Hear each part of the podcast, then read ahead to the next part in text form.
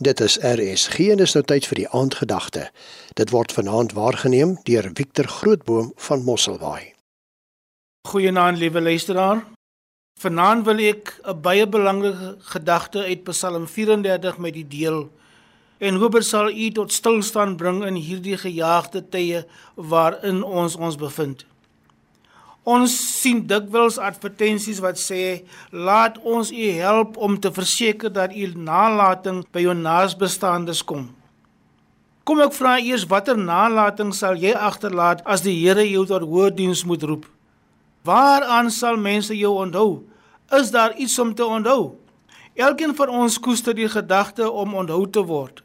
So dikwels gaan haal die radiomense uit die argiewe op een of ander persoon se pittige geseggoed of uittreksels uit 'n toespraak.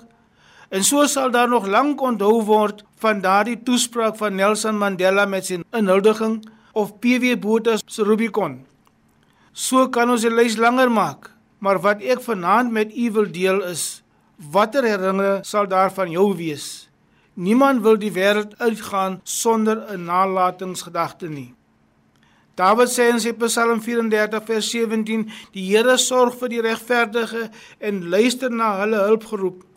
Maar hy tree op teen die wat kwaad doen en vee self die herinneringe aan hulle van die aarde weg. Watter herinneringe sal u vir u geliefdes nalat? Niemand wil vergeet raak nie. Jy sal altyd dink aan persone wat op jou pad kom, goed of sleg. Elkeen leef met die wete iewers is daar iemand wat aan my dink. Daar is niemand wat graag sal wil sien dat hulle herinneringe van die aarde weggevee moet word nie. Nee, jy wil net hê dat vir al jou kinders net goeie dinge van jou dink.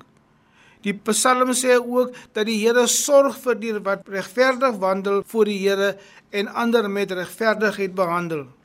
Die waarskuwing word gerig aan hulle wat onheil saai en wat 'n gruwel in die oë van die Here is. Vir hulle het die Here geen tyd nie, maar tree op teenoor hulle en vee hulle herinneringe uit soos 'n woord met 'n uitveer uitvee, skoon en altyd weg. Die Psalm sê ook hulle wat regverdig is, sal lank onthou word en die herinneringe sal altyd bly. Wees dan vanaand en elke dag paraat en dink noukeurig na hoe jy handel teenoor jou naastes en geliefdes wat 'n blywende indruk sal laat en nooit vergeet sal word nie.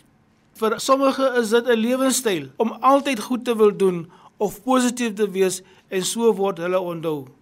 Wees dankbaar vir die Here dat as jy terugkyk en met die positiewe en goeie dinge ander gesien het en sodoende daardie nalatenskap gelaat het om aan jou te dink sodat jy self aan God wil dink met dankbaarheid vir sy nalatenskap, die Heilige Gees.